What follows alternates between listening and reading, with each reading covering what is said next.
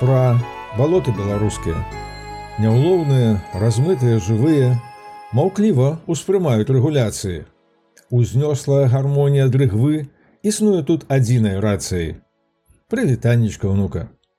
Нарадзіўшыся ў горна-вазёрнай швейцарыі, ты балотаю не бачыла ніколі, якіх шмат на зямлі, асабліва на радзіме матулі і беларускіх дзеда з бабкаю тваіх, то раскажу, Тым болей, што на носе урачыстасць маем.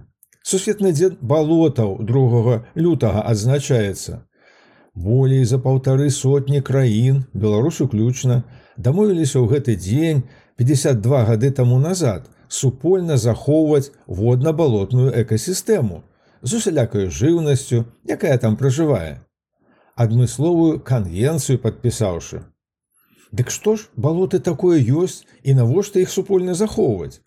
Кавалак зямлі залішне вільготны, які ўтварыўся альбо шляхам зарастання вадаёмаў ці забалочвання глебы. Раслінныя рэшткі там часткова падгніваюць і ўтвараюць торф. Можна сказаць, што гэта сумесь зямлі і вады, беспарадкавая, ці параўнаць з губкаю, якая збірае, а пры патрэбе аддае людзям ваду прэсную. Балоты займаюць 6соткаў ад усёй зямной сушы.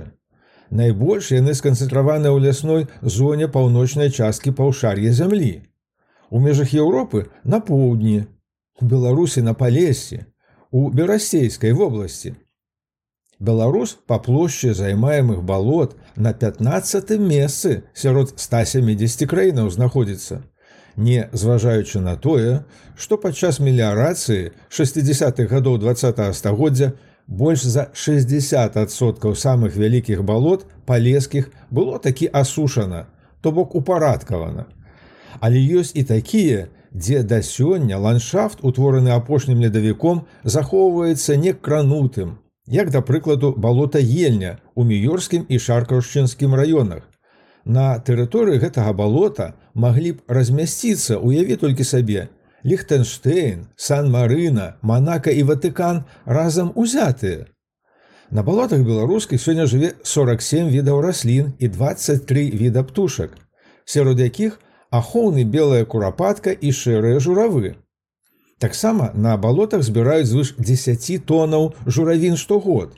Без перабольшвання можна сказаць, што на балотах грунтуецца беларуская прырода. Сёння гэта найбуйнейшае ў Еўропе сховішча прэснай вады, а для Беларусі гэта тыя лёгкія, якія дыхаць жыхарам напоўніцу дапамагаюць, адфільтроўваючы вуглякіслы газ з атмасферы ў вялізных аб'ёмах. Называюцца балоты ў Беларусі па-рознаму. Імшара, багна, дрыгва, твань, тапіла, балацюга, вязь і ржавінне. У сваіх уяўленнях продкі нашыя да балот з аднаго боку спітэтам ставіліся. Балоты здаўна служылі абаронаю ад ворагаў, кармілі людзей пажыўнымі ягадамі і вылечвалі лекавымі травамі. У старажытнасці у падзяку ім нават прыносілі ахвяры, сельскагаспадарчыя прылады і прадметы побуту.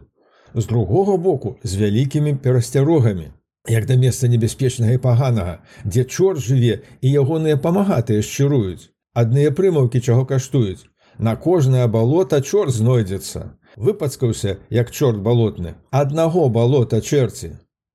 Але я табе ўнука зараз болей пра ягоных памагатых расказаць хацеў бы.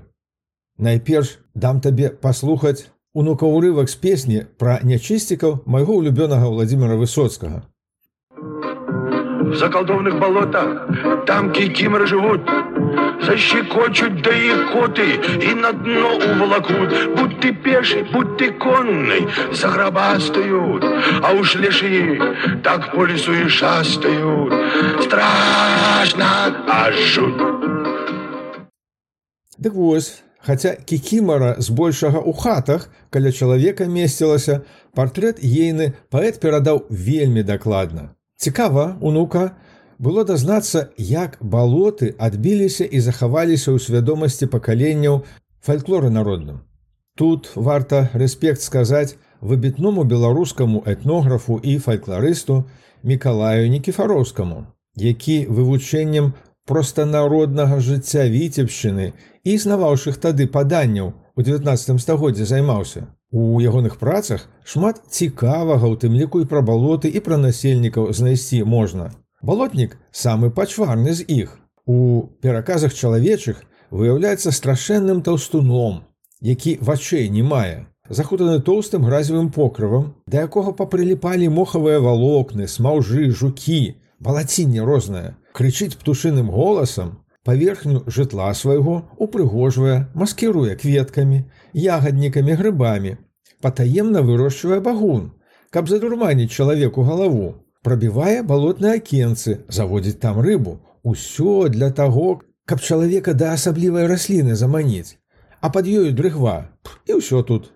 Братуха ягоны багнік не такі прадпрымальны, ляжыць сабе на дне чорнай тарфяной лужыны ды да пыхкае так, што паверхня, не пакрытая расліннасцю, уздрыгвае ад бурбалак, а ён ляжыць і чакае сабе ахвяру. Калі ахвяра пачынае тануць, нячысцік хапае за ногі і паволі учэпіста цягне да сябе. Паверхня багны сыходзіцца, не пакідаючы слядова ніякіх.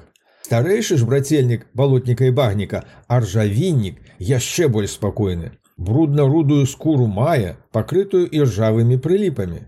Жывот таўсцюткі, а ногі танюткія. Чакае ці жывёлу, якая заблудзіцца ад драпежніка уцякаючы, ці чалавека якога нецвярозага.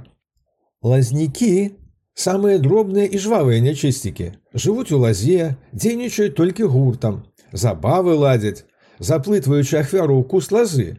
А калі тая праваліцца ў балотнае вакенца, нават самі дапамагаюць выбрацца, подсовываючы лазу тряснёг айор. Лазнікі, у адрозненне ад братоў старэйшых баяцца громавых стрэлаў і знішчэння лазняку. Усе разам нячысцікі засцерагаюцца засушлівага лета, марознай зімы і асушэння балотаў каналамі, у якія вада сыходзіць. Пакінуўшы нячысціка ў спакоі, хачу табе ўнука яшчэ тое сёе пра літаратуру беларускую сказаць. Вялікія літаратары не маглі пакінуць балоты без увагі. Іхным уплывам на мясцовасць і людзей тутэйшых натхняліся. Ансэнсаваць, патлумачыць спрабавалі. Калі Якуб колас у аповесці дрыгва стварыў сапраўдны гімн бязмежным разлівам вясновай палескай паводцы, ён купала ў пэме над ракою арэсаю наўзахлёб апяваў меліярацыю.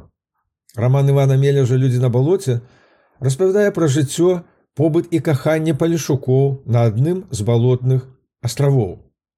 А Янка Маур у сваіх палескіх рабінзонах адпраўляе двух хлапчукоў у прыгодніцкую вандроўку, нібыта ў амазонію далёкую.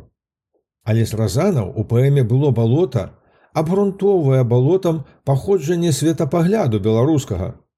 Як альшына моя з-пад піл, як вужака моя з-пад бота застагну, упаду у нахіл. На пачатку было балота. Ці бор далёкі вее бяду, ахінаецца ў пыл і дрымоту, неспадобнае адыду. На пачатку было балота. І ён у гэтым не адзіны. Шмат хто з сур'ёзных даследчыкаў азначае надзейнасць, кампраміснасць і добразычлівасць беларусаў, якія фарміраваліся стагоддзямі. Балоты выхоўваюць цярплівасць, кемлівасць, мэтанакіраванасць, кантроль за эмоцыямі, вынослівасць, без якіх цяжка чалавеку выжыць. Некаторыя навукоўцы балотам і такімі ягонымі ўласцівасцямі, як няяснасць, стабільнасць, адсутнасць гісторыі спрабуюць патлумачыць унука тое, што дзеецца ў Беларусі ў нашыя дні. А некаторыя беларусы прадпрымальныя, цікавы турыстычны бізнес вакол балотаў спрабуюць разгарнуць. На спораўскія балоты, што ў басейне рэчкі ясельды месцяцца, ці балотны масіў ельня, што раскінуўся ў міёрскім раёне беларусаў і замежнікаў запрашаючы.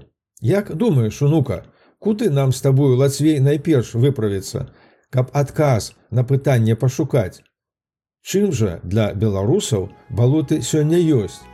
Гонарам, праблемаю ці адным сімвалаў векавечных.